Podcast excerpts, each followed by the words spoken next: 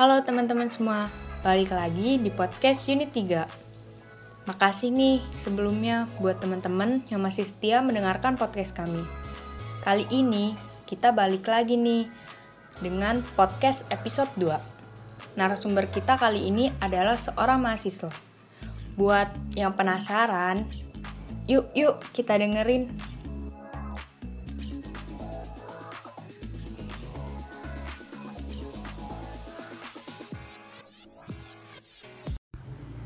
Assalamualaikum warahmatullahi wabarakatuh. Waalaikumsalam warahmatullahi wabarakatuh. Perkenalkan saya Muhammad Taki Ramadan, taruna aktif dari Sekolah Tinggi Meteorologi dan Geofisika. Dengan Mas siapa saya sedang berbicara? Uh, saya Ahmad Agung Alfarisi, mahasiswa aktif uh, jurusan Teknik Informatika di Universitas Pasundan Bandung. Baiklah, di sini saya ingin bertanya nanya, bertanya tentang pandemi yang sedang terjadi, pandemi COVID-19. Apakah Mas tahu mengenai COVID-19 yang sedang terjadi? Uh, tentu saja, tentu saja saya tahu. Kalau boleh tahu sering update seputar COVID dari mana ya, Mas? Kalau untuk update saya sebenarnya jarang ya kalau update, tapi kalau kita lihat di media itu pemerintah itu memang uh, emang gak berhenti berhenti itu ngasih ngasih kita info tentang uh, update uh, berapa yang sudah terkena, berapa ODP, PDP dan berapa yang meninggal, kemudian pasien sembuh. Nah itu uh, menurut saya kinerja pemerintah emang sudah bagus karena tanpa kita update tanpa kita update pun uh, setiap kita membuka sosial media ataupun buka internet uh, berita tersebut pasti ada seperti itu. Jadi kalau ditanya saya sering update sebenarnya enggak, tapi informasi itu emang datang dengan sendirinya. Itu Mas tahu sering-sering update berita itu dari platform apa ya? Apakah dari sosial media atau dari berita di televisi atau membaca koran atau bagaimana ya? di mana-mana saya e, buka sosial media yang muncul COVID. Saya buka YouTube yang muncul COVID. Saya buka e, browser, browsing yang muncul juga COVID. Jadi emang beritanya itu di mana-mana sebenarnya. Kalau menurut Mas tanggapan Mas terhadap pertambahan pasien positif COVID setiap harinya itu bagaimana? Sebenarnya prihatin ya. E, pemerintah juga kan sudah menghimbau untuk tetap di rumah, jaga kesehatan Eh, dan mengurangi aktivitas di luar. Nah, kalau dengan terjadinya pelonjakan eh, pelonjakan pasien ini, ya prihatin lah pastinya. Sebagai seorang mahasiswa aktif ya Mas, apakah kampus Mas juga menerapkan perkuliahan secara online atau secara daring? Ya tentu. Kita mulai dari uh, boomingnya COVID kemarin sampai sekarang itu perkuliahan masih lanjut, tapi e, memang secara daring ya dari berbagai platform lah. Itu sebagai e, daringnya itu melalui media apa ya mas kalau boleh tahu macam-macam jadi di kampus kita itu sebenarnya sebelum adanya pandemi ini emang sudah diterapkannya eh, perkuliahan daring. Yang di mana emang ada web sendiri kemudian kita diminta untuk mendownload materi di sana. Kemudian jika ada tugas kita uh, bisa upload tugasnya di sana. Kemudian uh, jika ada sesi tanya jawab kita bisa uh, melakukan semua halnya di aplikasi tersebut. Nah karena adanya covid sendiri jadi uh, mahasiswa disarankan untuk diam di rumah ataupun di kosan nah dengan adanya hal tersebut maka dari aplikasi itu menambah fitur yang di mana sebelumnya hanya bisa mengupload dan mendownload materi kemudian ada sesi tanya jawab eh, ditambah dengan eh, video converse yang di mana eh, kita berkalabor berkolaborasi dengan Big Blue Big Blue Button. Nah di sana kita bisa berinteraksi secara video callan lah. Lalu adakah kendala-kendala yang Mas temui selama perkuliahan secara online ini? Uh kalau kendala banyak sih, mulai dari uh, yang tentunya yang hal paling umum yaitu kuota terus jaringan. Itu itu sih paling kendalanya. Yang paling sering apa mas kira-kira? Ya itu tadi kuota terus kuota terbatas terus juga uh, jaringan. Karena di seluruh Indonesia ini kan jaringan nggak stabil. Pasti ada aja ya, jaringan yang misalnya di daerah Jawa itu bagus uh, tapi di Papua misalnya itu kan bisa dibilang kurang bagus ya jadi ya mungkin kendalanya paling banyak ke sana sih terkait perkuliahan online selama masa pandemi ini apakah dari kampus mendukung fasilitas atau Anda menggunakan fasilitas sendiri, Mas? Eh, untuk fasilitas tergantung sih ya. Kalau aplikasi ya sangat mendukung karena di kampus kita itu emang sudah disediakan aplikasi untuk mewadahi kita eh, untuk kuliah secara online ini. Seperti itulah.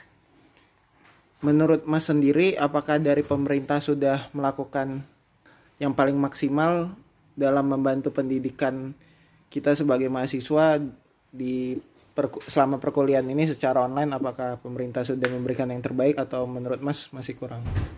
Menurut saya eh, sudah maksimal ya.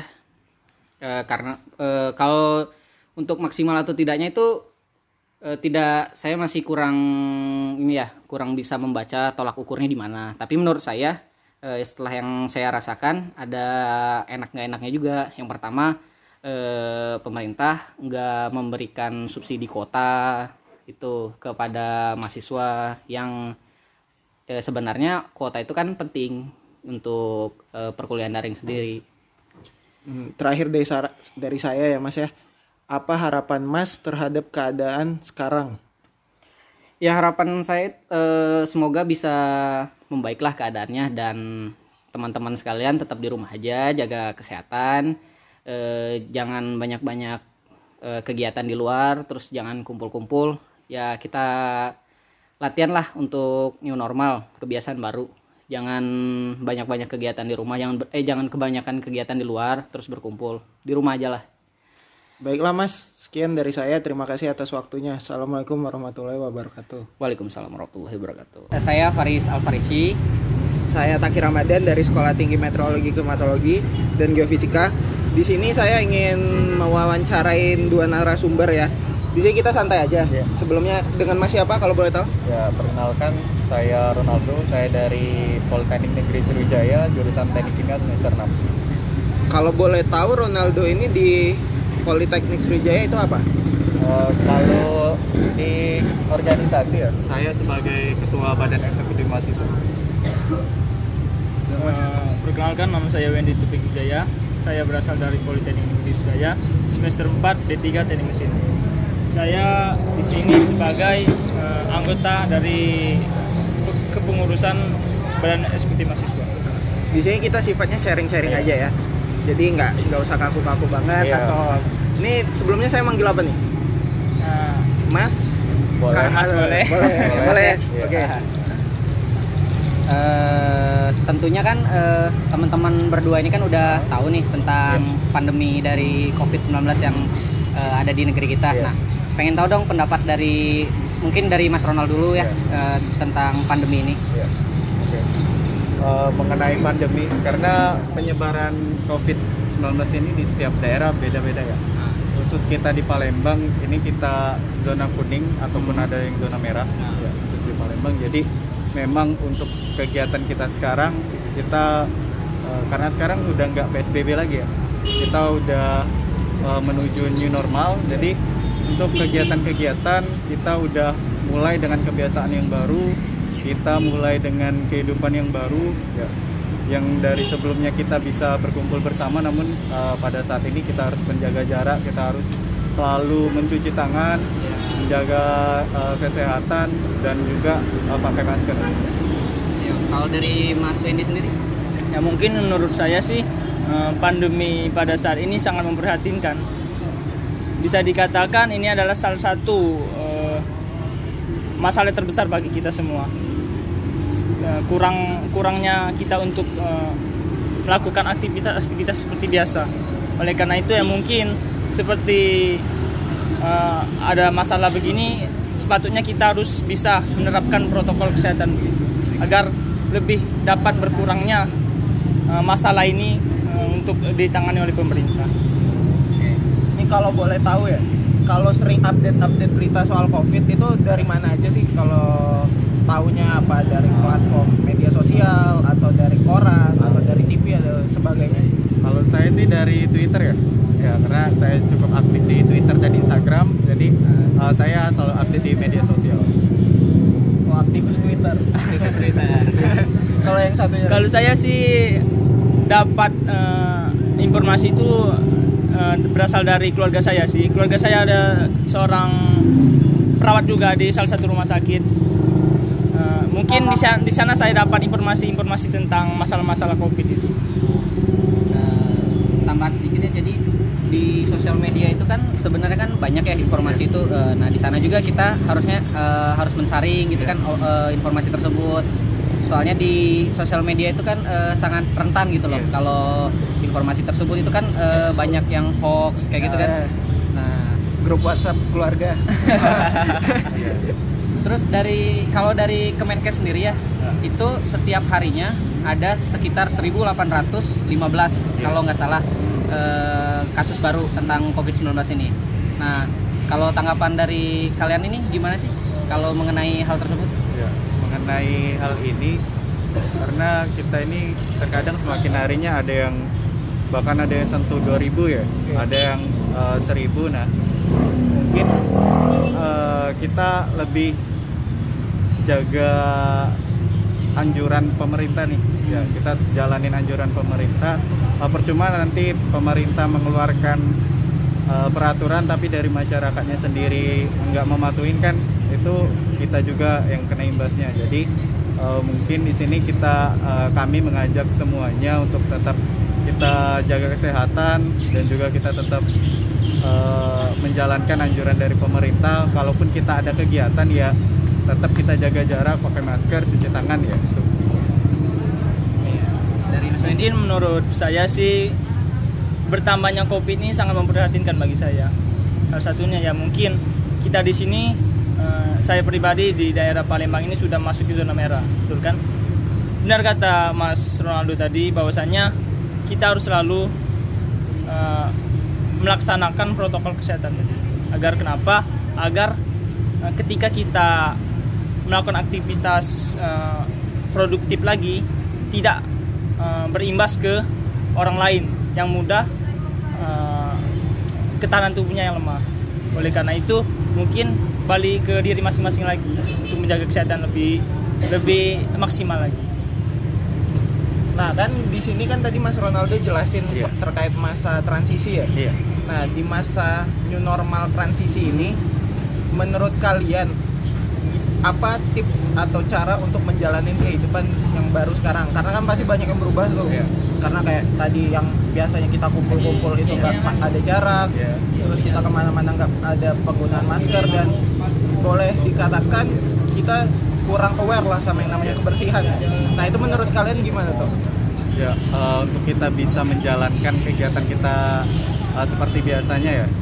Jadi eh, intinya pertama kita harus tahu dulu bagaimana eh, virus ini menyebar. Apakah lewat tangan atau lewat udara itu. Setelah kita tahu, ya ini kan kita tahu nih kalau misal virus ini menyebar dari eh, orang yang terkena dan eh, yang enggak itu kalau bersentuhan itu bisa menyebar ya. Kemudian eh, kena apa ya bersin atau apa dari eh, si yang terkena virus itu juga kita eh, pasti tertular ya. Jadi eh, intinya kita bagaimana caranya kita melakukan eh, aktivitas kita yang seperti biasanya, namun kita eh, menjalankan aktivitas kita itu dengan tepat sesuai dengan kondisi kita saat ini. Ya. Jadi eh, eh, kita tetap bisa produktif, kita tetap bisa bekerja seperti biasanya, namun eh, kegiatan kita itu ya tepat dilaksanakan untuk eh, pada masa pandemi ini. Komentar Mas Wendy? Hmm, menurut saya sih kalau tentang cara bagaimana produktif di era new normal ini mungkin kita selalu berhati-hati terhadap uh, virus virus ini Iya. oleh karena apa kita tidak bisa melakukan uh, kalau jika kita berdiam diri di rumah terus. Iya. artinya kita harus juga lebih banyak aktivitas agar kita bisa mendekati eh, bisa dikatakan mendekati eh, aktivitas yang biasanya. Seperti ya mungkin kita bisa kursus online bisa ya olahraga-olahraga ringan. Biar kenapa biar kita selalu sehat gitu. Eh, selanjutnya ini saya mau nanya kita kan mahasiswa nih ya Iya. ke pertanyaan yang lebih spesifik Ah. terkait pendidikan sekarang. Menurut kalian, pendidikan secara online itu bumerang nggak bagi pendidikan kita sekarang?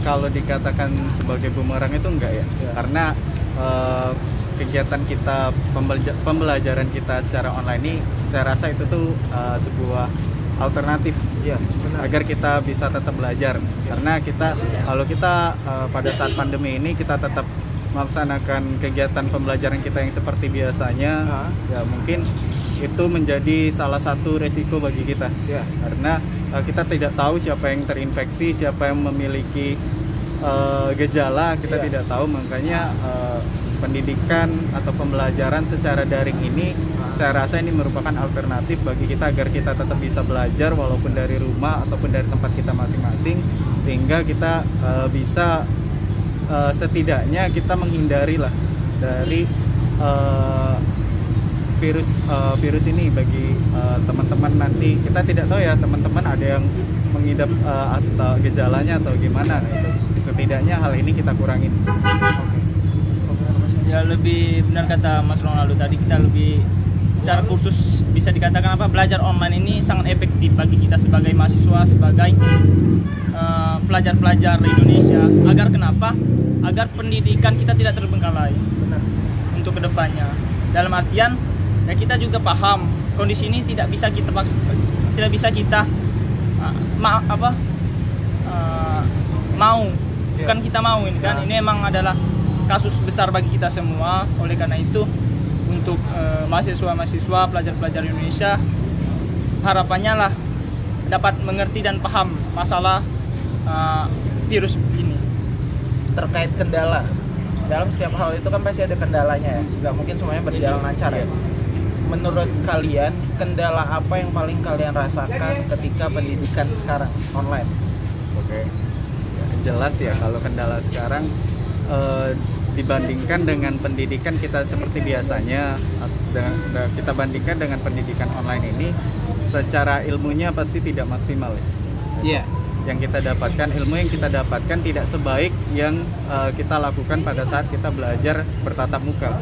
Namun eh, di sini kendala lain eh, juga karena banyak ya mahasiswa pada saat tahu eh, kampus diliburkan banyak yang pulang. Iya. Ya, banyak yang pulang ke daerahnya masing-masing sehingga dari beberapa mahasiswa yang saya pernah ngobrol dengan mereka secara eh, virtual bahwa eh, mereka menyampaikan eh, mereka kendala mereka salah satunya internet internet jaringan internet Ya. namun eh, hal ini kami dari pihak ba- badan eksekutif mahasiswa ya khususnya kita langsung menjaring eh, aspirasi dari mereka kendala-kendala mereka selama eh, melaksanakan pembelajaran via daring ini maka eh, kami sampaikan hal ini kepada pihak kampus dan eh, alhamdulillah dari pihak kampus kami merespon dan eh, memberikan eh, kuota bagi kami mahasiswanya.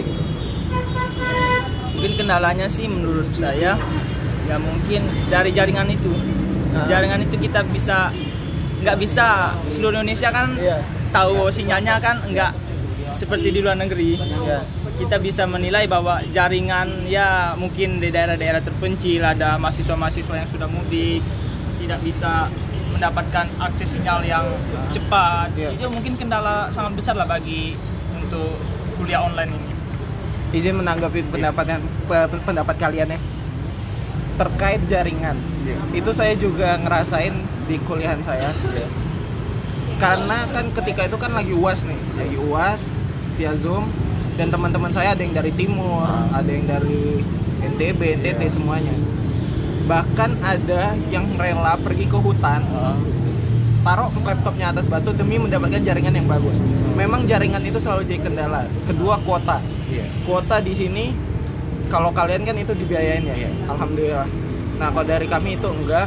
Makanya kenapa banyak yang dari untuk sekolah yang terdampak covid dan tidak dibiayai oleh kampus itu banyak yang kurang setuju dengan online. Itulah kenapa saya bilang tadi bumerang karena ibaratkan setiap tindakan itu pasti ada eh, take and risk. Jadi itulah ris- resiko memang yang harus diambil oleh setiap mahasiswa yang menjalani kuliah online. Harus keluar uang untuk kuota. Kayak sekarang saya lagi KKN harus siap tiap saat rapat zoom segala macam kuota bisa habis yang sebulannya mungkin 2 giga 3 giga bisa hampir 10 giga habis. Karena sekali zoom. Itu aja.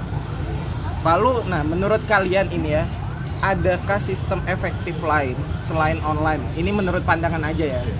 Tanpa mengguruin apa pun tanpa harus mengarahkan ke opini apa pun adakah sistem efektif lain selain online? Sejauh ini sih eh, saya rasa belum ya. Karena eh, jelas pen- pe- pembelajaran terbaik metode pembelajaran terbaik itu dilakukan secara tatap muka. Iya. Walaupun eh, kita tidak bisa melaksanakan kegiatan tatap muka eh, eh, hal alternatif lain ya mungkin adalah pembelajaran secara daring. Apalagi kita sebagai mahasiswa saya rasa eh, kita mahasiswa ini sudah mengenal eh, tentang teknologi lah ya. Kita lebih mudah mengakses ya, eh, internet ataupun kita lebih mudah mengakses atau menjalankan eh, media sosial ataupun hal-hal lainnya yang terkait teknologi maka eh, ini saya rasa walaupun ya walaupun ada resiko lain ya walaupun ada resiko yang harus diambil namun pembelajaran secara daring ini saya, saya rasa merupakan alternatif ya Terbaik ya. yang terbaik lah untuk saat Nah, ini. benar. Kalau menurut saya sih eh, ya sangat sangat bisa dikatakan sih sangat efektif. Iya, oleh kena, benar. oleh kenapa? Untuk eh, masalah kita tatap muka itu sangat sangat besar lah problemnya. Di antaranya kita bisa saja kita kan tidak tahu kesehatan tiap mahasiswa itu baik eh, apa sehat atau enggak. Oleh karena itu mungkin s- apa itu namanya kuliah online ini sangat sangat efektif lah bagi saya. Cara efektifnya ini menurut saya sih, tapi ini menurut saya pribadi bukan Iya, berarti eh, bisa menggurui atau gimana. Bisa kita laksanakan dengan ganjil genap antara Ya, benar. mahasiswa mahasiswa bisa didata mahasiswa untuk mengikuti kuliah ganjil dan kuliah genap. Mungkin itu salah satu efektif bagi saya. Uh, sekali lagi di sini kita sharing aja nggak apa-apa mengeluarkan opini apa pun Oh, iya. karena di sini sifatnya nggak ada mau menggurui atau menggiring opini ke arah yang baik. Oke, terkait dengan pandemi ini ya. Ya. Jadi teman-teman sendiri itu kan pasti eh, banyak waktunya di rumah ya. Ya. Jadi di rumah itu kan eh, sampai ada kata-kata tuh eh, untuk orang yang hobi rebahan. Nah, di situlah eh, hobi kalian Ya. dapat disalurkan. Nah, untuk itu eh, saya pengen tahu dong eh, cara teman-teman sekalian bisa tetap produktif di pa- di kondisi yang saat ini. ya benar ya tadi pada saat kita di uh, pertengahan ya anggaplah bulan April ya Iya. kita da, uh, Maret kita diliburkan nah itu kaum rebahan itu pada seneng ya awalnya pada seneng karena bisa menikmati hobinya ya Iya. tapi pada saat mulai masuk April bahkan kaum rebahan ini udah aduh udah pusing rebahan terus ya ternyata bosan. Ya, gitu. jadi eh, untuk bisa kita tetap produktif di sini di masa pandemi sekarang yaitu tadi kita pertama kita harus mengetahui eh, virus ini penyebarannya bagaimana sih kemudian kalau kita udah tahu eh, kita eh, melaksanakan aktivitas eh, kita seperti biasanya namun eh, aktivitas itu tepat kita lakukan untuk pandemi ini Iya. gitu jadi eh, dan satu hal lagi kita komitmen. Kita komitmen untuk selalu menjaga eh, kalaupun kita harus melakukan atau ya melakukan aktivitas di luar rumah ya kita harus komitmen untuk kita menjaga eh, kesehatan kita. Kita selalu ikutin anjuran eh, protokol kesehatan dari pemerintah. Intinya kita melak- eh, melakukan hal yang tepat di pa- pada saat kita menghadapi pandemi COVID-19 ini. Kalau menurut saya sih untuk hal yang apa kegiatan di rumah gitu kan. Kegiatan saya sih mungkin kebanyakan ya berkumpul dengan keluarga ya dengan cara bisa dikatakan untuk eh, berhibur bercanda gurau bersama keluarga dan juga olahraga. Dan juga saya pikir eh, saya mempunyai hobi yang istimewa bagi saya sih istimewa mungkin saya bisa melakukan kegiatan-kegiatan seperti eh, melakukan bongkar-bongkar mesin-mesin yang ada yang ada di rumah. Iya, Ya, iya, mungkin itu sih kebiasaan saya yang selama pandemi itu. Jadi tetap produktif ya menghasilkan sesuatu. Menghasilkan sesuatu. Selagi lagi rebahan tiba-tiba keinget oh iya kan bisa bongkar ini ya, kan kadang kita orang tuh suka teringat kan tiba-tiba kan. Tiba-tiba ingat ya gitu Iya, tiba-tiba oh iya ada tugas ini kemarin aku nggak bisa tiba-tiba oprek oprek bisa akhirnya. Ini ngikut sepedaan nggak? Tren sepedaan Ya, sekarang? kalau Enggak. sepeda Enggak ya? enggak sih. Oh berarti kita sama. Eh, pengen tahu dong ke- kan pas eh, kebetulan pas pandemi ini tren sepeda itu tiba-tiba booming nih Iya. tiba-tiba di jalan banyak orang yang naik sepeda nah pengen tahu dong tanggapan kalian tentang tren tersebut Ya. Eh, saya rasa sepedaan itu termasuk olahraga ya. Iya, Salah benar. satu aktivitas olahraga ya. Apabila dilakukan ya baik. Eh, selain juga untuk kesehatan, kemudian eh, mungkin itu salah satu walaupun kecil ya dampaknya, tapi setidaknya itu sudah mengurangin polusi lah. Ya polusi kita yang dulunya kita kendaraan, ya pakai kendaraan, sekarang kita eh, udah mulai pakai sepeda, udah kita mulai udah penting lah untuk uh, berolahraga itu nggak cuma kita lari atau nggak cuma kita uh, fitness atau yang lainnya tapi juga kita dengan bersepeda kita bisa jalan-jalan tuh. Ya, sambil mampir lah ke rumah doi atau ke mana ya. Bener. sepeda namun di di sini yang jadi catatan tetap uh, karena sepedahannya mungkin ada yang di jalan ya. Iya. Iya. kalau di tempat uh, benar-benar olahraga ya nggak apa-apa sih nggak masalah. Tapi yang menjadi catatan di sini pada saat uh, bersepeda di jalan raya. Ya, mungkin perlu diperhatikan bagi teman-teman nih yang uh, sepedahan ya sepedahan di uh, jalan yang besar itu mohon diperhatikan ya laju uh, bersepedanya ya. Jangan sampai terlalu ke tengah dan juga jangan uh, selalu waspada lah selalu lihat-lihat. Karena di uh, kalau pada saat di jalan besar itu kan banyak tuh mobil-mobil besar mobil bis khawatirnya nanti uh, ada hal yang tidak diinginkan karena sudah banyak saya lihat uh, teman-teman yang sepedahan itu ada yang ketabrak atau ada yang uh, hal lainnya Ya menurut saya sih tren sepeda itu ya ada dampak positif dan ada dampak Iya, negatifnya benar. sih. Ya kita bisa mengambil positifnya kita berkurangnya polusi udara, Ah, ah, kesehatan kita lebih fit. Dan juga saya berpikir untuk masalah pandemi ini terhadap trennya sepeda itu yang negatifnya kita itu juga bisa menjadi saluran virus untuk menyebar. Oleh karena itu ya mungkin bersepeda dengan jarak agak berapa meter, 2 Ah. meter. Mungkin bisa begitu sih. Fun fact-nya ya terkait polusi udara tadi. Menurut riset selama masa pandemi itu polusi udara di Jakarta turun sampai 80% ya. Kalau kalian baca ya, itu sampai cerah yang jarak pandangnya itu bisa berapa kilometer. Nah, sekarang nih kan udah mulai pada kerja lagi, Iya. udah pada mulai ngantor, ada yang udah mulai sekolah. Di sini saya mau nanya, kan ini banyak klaster baru yang muncul kan di kantor, di tempat-tempat rame lah. Menurut kalian, apakah masyarakat semakin ke sini tetap melihat pandemi ini, apakah mereka semakin aware atau bersikap kayak oh iya kayak acuh gitu? Bagaimana menurut kalian? Ya kalau menurut saya sih, uh, saya sempat berpikir Ah, uh, ini sekarang masih pandemi tapi masyarakat udah rame nih. Iya.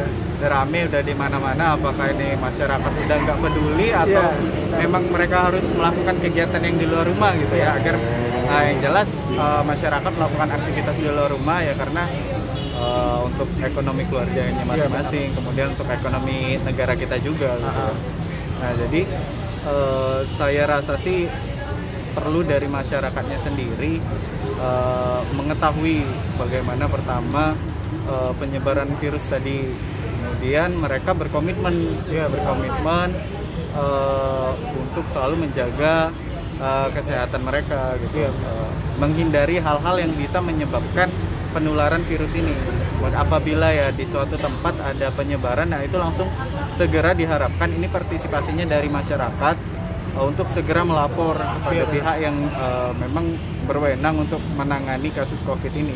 Jadi uh, apabila kita cepat ngelapor nih uh, di suatu daerah ini ada uh, orang yang kemarin mungkin uh, baru kembali dari mana gitu ya cepat-cepat melapor biar uh, bisa segera langsung dicek oleh petugas gitu ya. Kalaupun memang di situ menjadi klaster ya uh, ditutup dan masyarakat uh, masyarakat yang pernah ke tempat itu juga harus uh, mengisolasi mandiri gitu Nah, sih berarti tetap balik ke kesadaran diri Iya. masing-masing Nah, seperti ya kita boleh beraktivitas beraktivitas di luar Iya. pergi dan tapi pulang tetap seperti Ah. langsung mandi Iya. mencuci tangan Ah. kan baju semuanya dicuci segala macam Iya. ya. kalau menurut Mas Wendy sendiri Kalau menurut saya sih ya melihat masyarakat seakan-akan tidak adanya pandemi di negara ini ya menurut saya sih bisa dikatakan ya gimana sih saya sebagai juga sebagai masyarakat sebagai sipil melihat seperti contohnya pedagang-pedagang kaki lima kita juga nggak bisa menerapkan bahwa seutuhnya dia harus be- be- apa berdiam diri di rumah. Karena kita bahwasanya uh, ma- manusia dalam artian manusia itu juga perlu untuk me- menghidupi keluarga-keluarga mereka. Oleh karena itu ya mungkin dagang kaki lima itu lebih diprioritaskan lebih dilakukan oleh pemerintah dengan cara le- lebih menegaskan lagi untuk memakai masker, memakai memakai hand sanitizer, lebih jaga jarak, ya gitu mungkin menurut saya. Eh, terkait pandemi ini saya pengen tahu dong harapan kalian eh, yang mungkin pengen kalian sampaikan eh, terkait pandemi ini Oke. Ya mungkin harapan saya ya. Eh, kita nggak tahu nih kapan pandemi ini berakhir ya. Iya. Iya. Eh, dan juga eh, vaksinnya ditemukan itu kita nggak tahu ya. Hmm. Dan juga apabila udah vaksinnya udah ditemukan kan kita nggak tahu juga itu seberapa efektif itu bisa eh, membunuh ya, membunuh virus eh, COVID ini. Maka eh, mungkin harapan saya untuk teman-teman ya kita tetap apalagi kita yang muda-muda nih kita yang eh, cepat dalam eh, mendapatkan informasi kita tahu bagaimana informasi itu salah atau benar. Jadi eh, tetap kita yang pertama itu kesadaran diri kita itu sangat diperlukan sekarang. Eh, alangkah baiknya kalau kita udah sadar nih un- untuk diri kita sendiri kita ajak. Yang pertama itu keluarga kita pastinya. Kita selalu mengingatkan kemudian eh, ke teman-teman dan juga ke masyarakat apabila memang perlu ya gitu ya ya apabila memang eh, perlu ya kita ajak sama-sama untuk kita tetap eh, menjaga eh, kesehatan kita dan kita tetap sadar diri ya kalau dari Kalau menurut saya sih harapan yang sangat terbesar bagi saya sih semoga pandemi ini dapat berakhir. ya Mungkin itulah cita-cita kita semua. iya Agar apa? Agar aktivitas-aktivitas biasa ya terjalan lagi dan perekonomian eh, Indonesia juga tumbuh tumbuh lagi. Oleh karena itu sih saya hanya bisa berdoa dan menuruti protokol kesehatan untuk eh, melaksanakan apa-apa sih yang dianjurkan pemerintah agar pemerintah tidak terlalu terbebani dengan masalah-masalah begini. Baiklah, terima kasih buat waktunya dari teman-teman Politeknik Sriwijaya atas sharing-sharingnya sangat saya sangat menghargai pendapat pendapat kalian semua sangat membangun dan sangat membantu sekali. Baiklah, sekian dari saya. Assalamualaikum warahmatullahi wabarakatuh. Waalaikumsalam.